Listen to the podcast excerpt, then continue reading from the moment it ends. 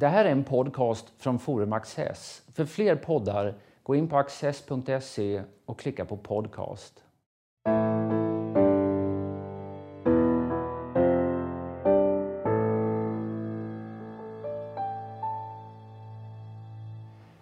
Varmt eh, välkomna till Studio Access där vi idag ska tala om skolan. Ett eh, kärt och stort ämne i den svenska debatten. Detta samtal ska jag föra med Magnus Henriksson, professor och chef för Institutet för näringslivsforskning som är aktuell med en ny bok. Kunskapssynen och pedagogiken som du har skrivit tillsammans med eh, två humanister, Ingrid Wollgren och Inger Enqvist och hjärnforskaren Martin Ingvar. Så det är en gedigen uppställning bakom denna. Du är professor i nationalekonomi. Varför håller du på med skolan? För det första är det så att nationalekonomin talar utbildningens betydelse för ett lands välstånd. Det är en av de mest fundamentala delarna. Så att om inte ett land har ett bra utbildningssystem, då kommer det inte att vara ett välfärdssamhälle. Och Sverige är ett rikt land därför att vi har haft ett bra utbildningssystem. Och nu på senare år så har det fallerat. Resultaten har fallit och framförallt, inte minst har de svagaste eleverna fallit tillbaka jättemycket. Och därför är det liksom en avgörande framtidsfråga för Sverige att vi får kvalitet där igen.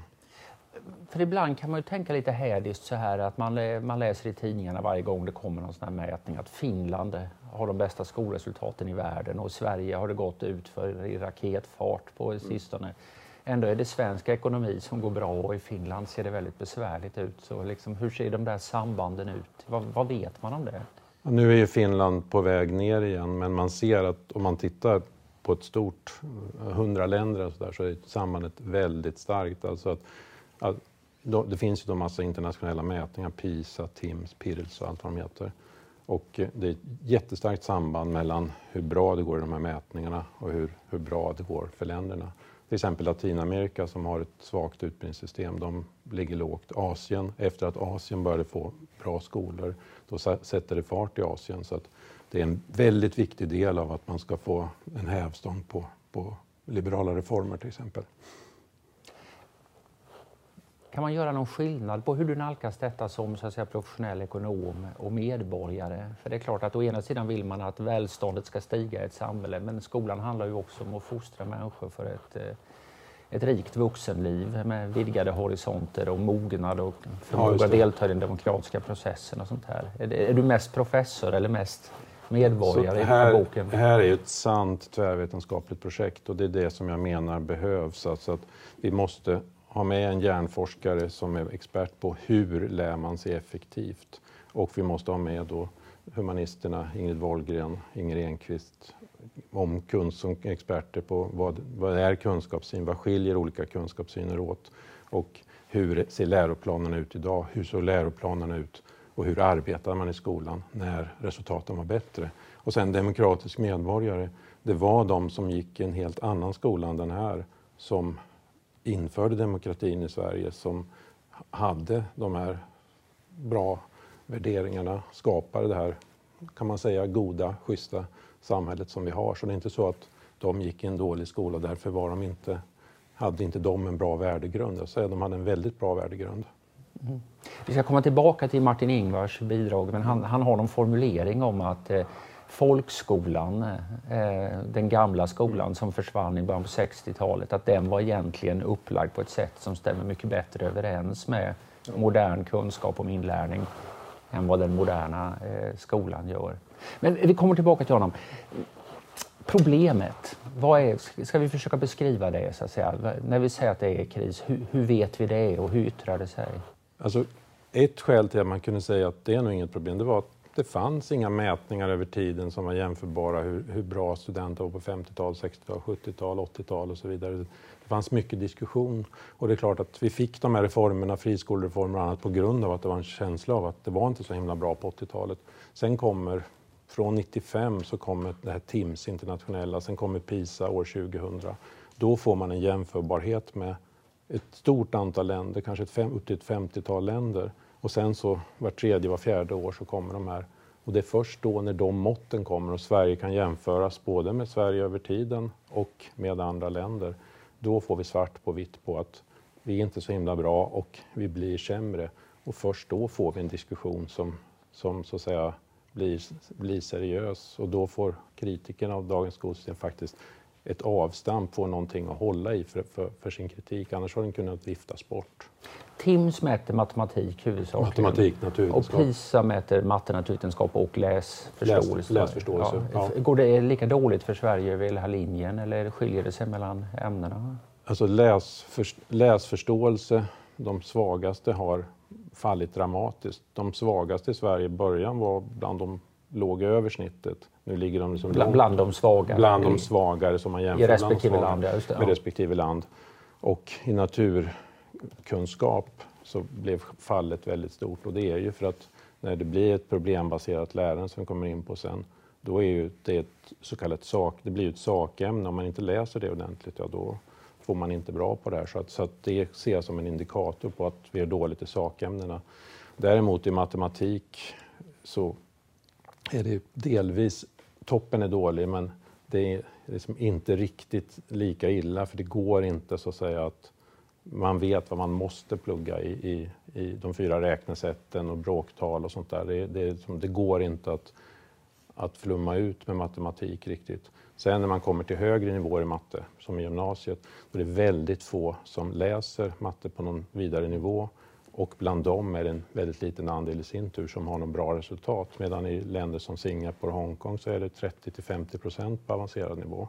Och det är klart att de tekniskt ledande företagen kommer att vara där människor finns som har den här analytiska förmågan. Så det är väldigt allvarligt på sikt för oss. Mm. Men du tycker att den sammantagna bilden av de här olika mätningarna som har gjorts, det görs av några olika organisationer, det mm. har gjorts vid flera olika mättillfällen. Den sammantagna bilden är entydig, säger du, att, att vi har fallit. Ja, sen, sen blev det ju en PISA-chock.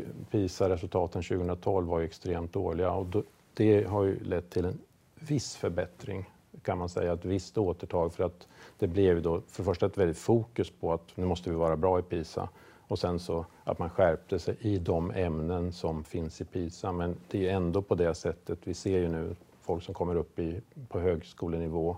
Man ser de yngre som gör högskoleprovet har extremt dåliga resultat på ordförståelse och så vidare. Och det är ju det är ingenting man kan ta igen genom att sitta och plugga i tre veckor utan det är så att säga att man har haft en dålig skolgång de första fram till 19 års ålder. Och det, det lever vi med. Så efter den här riktiga PISA-smällen, eller PISA-chocken 2012, så kom det en liten återhämtning, en liten i, återhämtning. i nästa mätning 2015. Va? Ja, just det. Um, har du en idé om, om vad den kan bero på? Beror det på att skolorna liksom helt enkelt har drillat eleverna i PISA-kunskap så att säga, så man vet hur man ska göra väl ifrån sig där? Eller är det Jan Björklunds förtjänst och hans nya läroplaner? Eller Jag tror det, är, det är en kombination av, eh, av att av att drilla. Men det, det, är inte bra i sig utan vad man ska göra är att läsa eh, olika ämnen systematiskt och sen så då kommer man bli bra i läsförståelse på PISA, då kommer man bli bra i, i, på, de, på de här testerna så att man kommer inte så himla långt genom att läsa till tester. Men det är klart att man kan förbättra sig en del. Så att problemet kommer att kvarstå. Det är väldigt svårt att se att det kommer att förbättra sig ytterligare från den här nivån. Och eventuellt så slappnar man av på grund av att det var en förbättring. Det, det är svårt att säga. en fråga som oundvikligen kommer, eller en förklaring som oundvikligen kommer, det är ju att i vad utsträckning har detta att göra med att eh, antalet barn som inte har svenska som modersmål har ökat mycket? Den kunskapssyn man har och det sätt man undervisar på är särskilt illa lämpat om du kommer från socioekonomiskt svaga förhållanden. Däremot så, så finns det ingen anledning att tro om man undervisar på rätt sätt och har rätt kunskapssyn att inte, även om du kommer från väldigt oprivilegierade förhållanden och föräldrarna inte kan svenska, så kan du göra bra ifrån dig ändå, men inte med det system vi har. Så att det är väldigt farligt att försöka förklara bort det med att oj, det är så många barn med invandrarbakgrund så att det här måste vi förstå att bättre än så här kan det inte bli. Medan slutsatsen är på grund av det är det ännu mer angeläget att börja undervisa på ett sätt så även de kan följa med. För annars så kommer de att hamna i utanförskap, organiserad brottslighet och, och, så vidare. och så vidare. Ja, det som är speciellt med den här boken jag har skrivit det är då att den, den tar ett helhetsgrepp kan man ja. säga. Det handlar inte om friskolor, den handlar inte om läxor, den handlar inte om eh, kepsar i klassrummen utan den handlar om hela filosofin som ligger till grund för eh, skolsystemet. Mm. Um, ja, kan du berätta lite om det? Du har, eh, ni skriver om paradigmet bakom den svenska skolan. Man kan säga så här att successivt från skolutredningar efter andra världskriget så har det mer blivit synen på hur lär man sig. Och då har man kommit ifrån att det går inte att instruera, en lärare kan inte lära ut utan den är en handledare, sen måste eleven genom sin egen aktivitet skapa kunskapen hos sig själv. Och eh, med detta följer också att eleven ska sätta upp sina egna mål, man har rätt till en individuell studieplan i praktik som den i princip kan begära att den ändras hela tiden. Men allt detta ska ske inom den sammanhållna klassens ram. Det vill säga du kan i, förlängningen hamna i att varenda elev har sitt eget mål och det är 27 elever i klassen och läraren är handledare för allihopa. Och det här är oerhört ineffektivt. Att dels... Så det, det, är en helt ologisk blandning av hyperindividualism och hyperkollektivism? Ja, precis. Precis. Ja. Så att, under lång tid, det här, så här stod det ju i princip i, i läroplanerna ganska tidigt, alltså SIA-reformen 76 och sen, men framförallt då 94 års reform så, så var ju det här väldigt tydligt. Men lärarna fortsatte att, i hög grad att jobba som de alltid hade gjort och brydde sig inte om det här så himla mycket. Men sen kommer Skolinspektionen 2011 och då blir det så att du måste göra på det här sättet. Det är processen som är det viktiga, det är inte... Alltså om man tror att det, här är, det är så här man lär sig, då blir det ett fokus på själva processen, vad som händer i klassrummet, relationer, föräldrar, barn, lärare och så vidare. Inte på slutresultatet. Så, så inrättandet av Skolinspektionen, det innebär inte som man kan tro att man får en vakthund som garanterar kvalitet? Nej. Utan man får en vakthund som garanterar att kvalitetsundervisning eh, inte kan bedrivas? Eh, på, på, ett an, ja, så den inte kan bedrivas på ett annat sätt än vad som stipuleras i läroplan och de anvisningar som finns av Skolverket. Så det blir ju bindande då.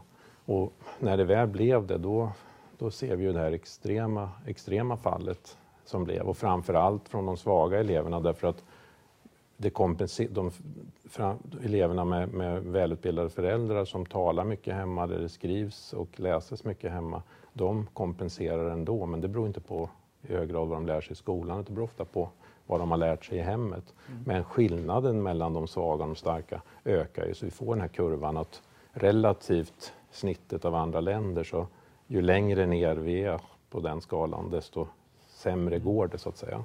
Du får nu den ganska grannlaga uppgiften här att liksom eh, företräda Ingrid Wollgren och Inger Enqvist som har skrivit kapitel om så att säga, ja, den postmodernistiska filosofins genomslag i eh, skolpolitik och läroplaner.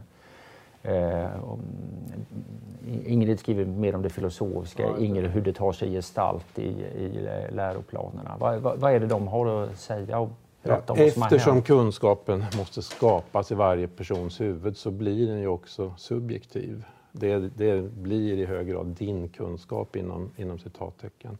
Om kunskapen är subjektiv, då kan du egentligen inte ha betyg. För om du har betyg, då har du sagt att det är min kunskap och min måttstock som lärare som gäller.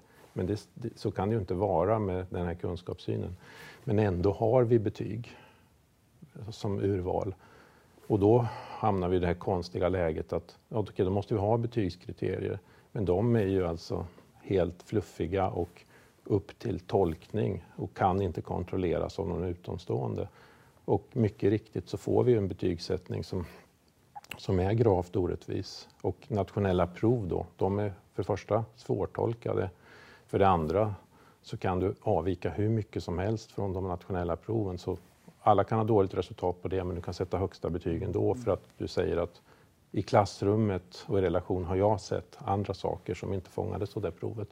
Och det visar ju på den här ambivalensen med att man inte accepterar mätning och att en extern part, alltså läraren eller skolmyndighet, mäter hur långt du har kommit. Man skaffar sig en filosofi eh, men sen rå, som, som egentligen utesluter sånt här som ja. den sammanhållna skolklassen och, och betygssättning och mm. betygsurval och så här, bedömning. Men det är saker som man ändå av olika skäl inte anser sig kunna göra sig av med och då får man ett helt ett ologiskt Precis. system. Postmodernismen som, som Ingrid Wollgren beskriver den, det handlar mycket om maktkritik. Ja. Att det liksom, man ska avslöja saker och mm. man ska ner med auktoriteterna och alla ska skapa sin sanning och sånt här. Och att det har blivit en väldigt stark strömning. Normkritik är ju något man hör i alla möjliga ja, olika sammanhang.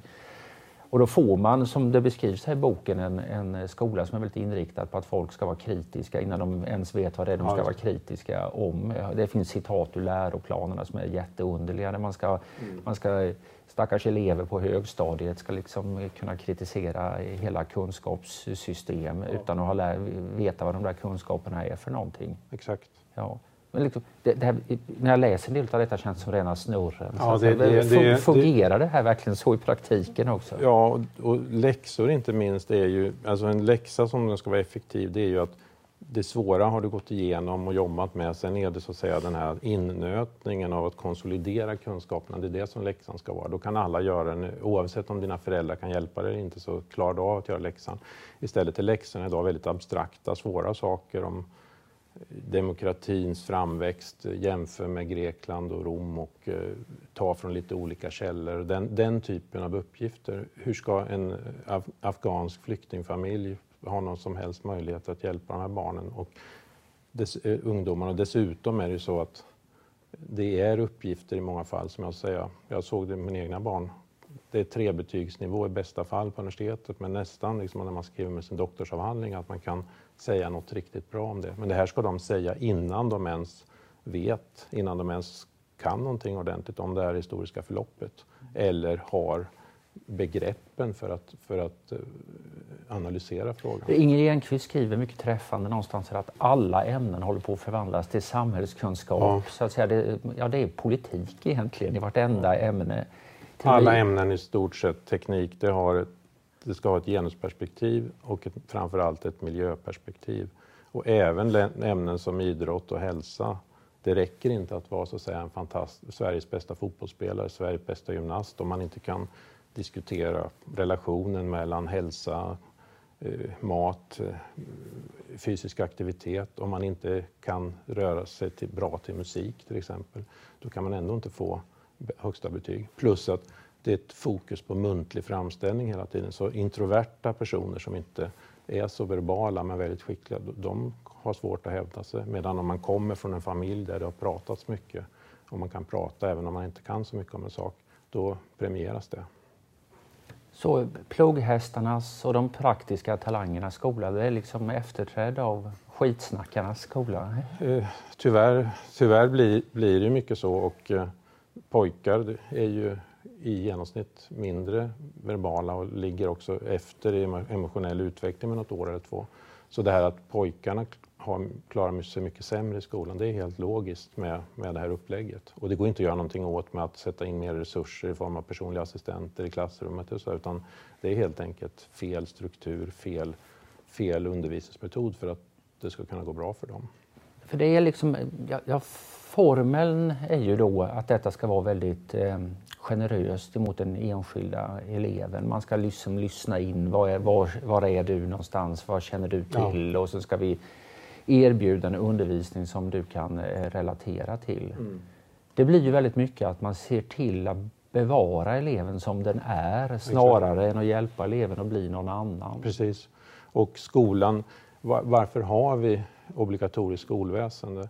Jo, det har byggts upp därför att därmed lär man sig sånt som man inte lär sig genom att bara finnas till i sin familj och i sitt grannskap och genom det man plockar upp genom att titta på TV. Så därför behövs det strukturerad undervisning och varje lands bra skolsystem ger, oavsett social bakgrund, så får du de här både de kognitiva redskapen, men blir duktig på att läsa, duktig på, på att skriva, förhoppningsvis tillräckligt duktig. Och så lär du dig substantiellt ett antal ämnen upp till en nivå sen så att du kan både delta i det offentliga samtalet men sen bli, skaffa dig en yrkesutbildning så att du kan bli liksom en, en produktiv samhällsmedborgare. Och det, det ska skolan göra oavsett vilken kultur man kommer ifrån eller hur det ser ut hemma. Så att om du istället tar utgångspunkt i eleven, det är ju motsatsen till det. Och det är ju, det är ju ett, speciellt med den flyktinginvandring vi har nu så är det ju ett recept för katastrof kan man säga. Ja, för det finns ett, ett, annat begrepp som ni kommer tillbaka till mycket, det är progression, alltså att man helt enkelt går från eh, ja, mindre kunskap till mer kunskap, mindre ja. färdigheter till mera färdigheter.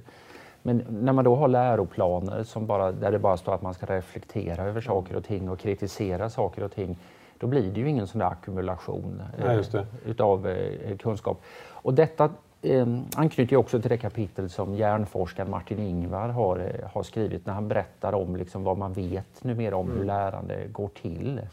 Ja, alltså, anledningen till att man kan överföra så mycket kunskap att, man, att en duktig lärare kan lyfta en elev så långt inom till exempel fysik eller matematik eller vad det kan vara för någonting.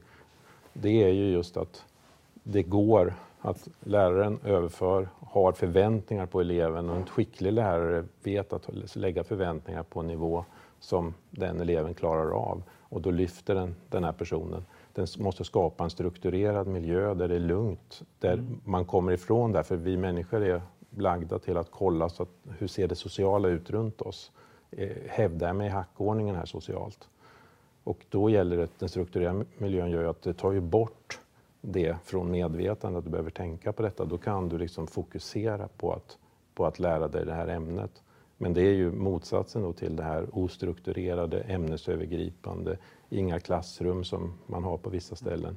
Då blir ju hela ditt fokus på vad gör den och den? Och får du dessutom ha rätt kanske ha mobiler eller iPads som är kopplade till internet och då kommer det sms, då kommer det WhatsApp och det kommer chattar och sånt där med in då blir det ju inte mycket medvetande utrymme kvar för att faktiskt fokusera på att lära sig. Och det här är, beskriver han, och det är ju egentligen när man hör det självklarheter, men det är ju liksom bevisat i den neurovetenskapliga och kognitionsvetenskapliga forskningen att det funkar så här.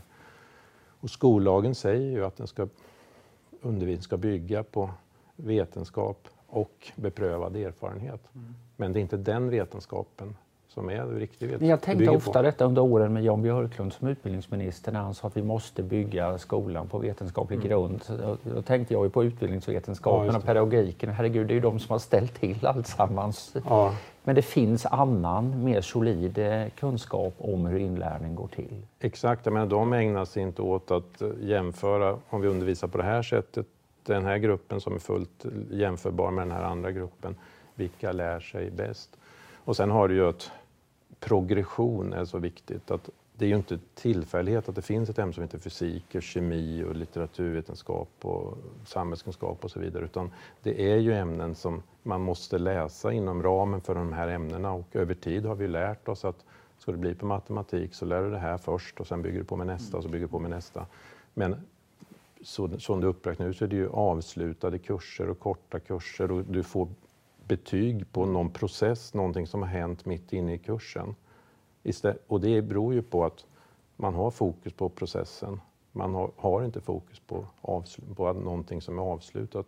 Och det är ju också extremt intolerant. Jag menar, som jag, forskningsinstitut som jag är chef för, så säger jag så att vi, grundfilosofi för mig är att man vet inte hur forskare gör. Jag kan bara mäta vad de har åstadkommit. En del forskar på natten, en del forskar på dagen, en del gör allt på slutet. Man, man, man, kan inte veta detta, man kan bara mäta resultat. Men här tvingar man in alla i en process som kanske passar några få, men det passar definitivt inte de introverta. Det passar inte de som, som så att säga levererar, vill lära sig på ett annat sätt. Jag fäster mig särskilt vid hans, han gör ju en sorts jämförelse med, ja, med mänskliga hjärnan och en dator nästan och det här arbetsminnet. Eh, ja, just det. Att liksom, eh, om man inte verkligen har nött in läsning, framförallt i ett väldigt tidigt skede, då måste man lägga en massa av sina eh, kognitiva resurser på det när man håller på med andra ämnen. Det som borde vara en självklarhet att finnas där helt tillgängligt, okomplicerat. Det sätt man lär sig läsning på effektivt det är genom att läsa ämnen med, med progression. Mm. Eh, och då lär man sig med en indirekt metod och forskning visar att det är ungefär 15 nya ord per dag som man lär sig i skolan på det sättet. Medan däremot man försöker plugga ord genom eh, googling eller för att läsa till PISA eller någonting sånt där. Då, då är det oerhört ineffektivt jämfört med det. Så att då får du båda effekterna. Okej, först måste du lära dig läsa rent tekniskt tidigt. Men sen lär du dig läsa och behärska språket, du får ett bra ordförråd genom att lära, läsa ämnen. Vad man lär sig av den här boken är också bland annat att det under en lång, lång period var valfritt för de som skulle lära barn att läsa, att studera hur ja, man undervisar i läsning. Nu, eh, time, tiden flyger när man har roligt så att säga. Vi har några minuter kvar. Du måste få berätta om ert program också för ni avslutar med förslag. Var, var ska man börja någonstans för att komma till rätta med allt det här? Ja, det viktigaste är, är ju helt enkelt att studera enskilda ämnen, att återigen förstå att en sakkunnig lärare som instruerar är viktig. Och, och sen, sen så att man, man ser det som en, en, progression och man mäter, mäter på slutet hur långt man har kommit. Och där handlar inte, det tråkiga är när man säger det här att då börjar folk prata om Caligula och den gamla svarta pedagogiken. Det är det inte alls frågan om utan vi har ju, det fanns bra lärare på den tiden, det fanns dåliga lärare och sen dess har vi också lärt oss mycket mer hur man ska kunna arbeta på ett bra sätt. Det är möjligt att man kan använda även digitala verktyg men då måste det göras inom ramen för det, för det här sättet att arbeta. Och då kommer man väldigt mycket lättare. Men det måste naturligtvis vara en strukturerad miljö som är lugn, där arbetsminnet så att säga, inte tas upp av, av andra saker. Och då kan också en utomstående part mäta hur mycket du kan och då kan du ha skolkonkurrens och fritt val för att då är det någon extern som möter, sen gör skolor på lite olika sätt.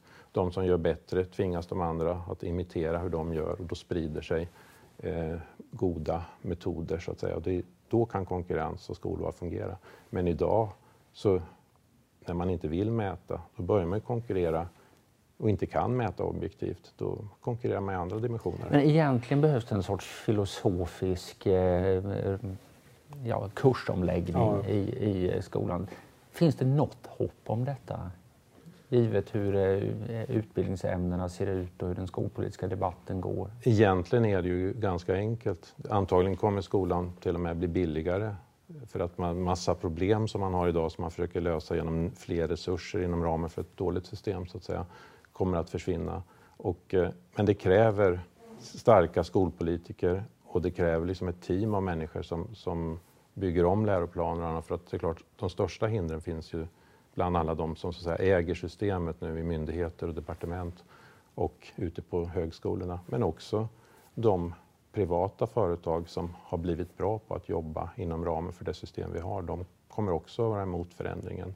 Så att eh, man måste inse att för de vet att de är bra inom det här systemet men de har ingen aning om de kommer bli bra i, i ett annat system. Samtidigt är det nog så att om vi ändrar så kommer det vara de privata företagen som, mycket, som snabbt ställer om sig och måste ställa om sig och då måste de kommunala följa efter. Så att egentligen är det ganska lätt, men det kräver skolpolitiker, det kräver kanske att LO och sådana organisationer förstår att det här är faktiskt arbetarklassens bästa vän att, att vända det här. Det är de oprivilegierade som har mest behov av den här vändningen. All right. Tack så hemskt mycket Magnus Henriksson. Tack för att ni har tittat.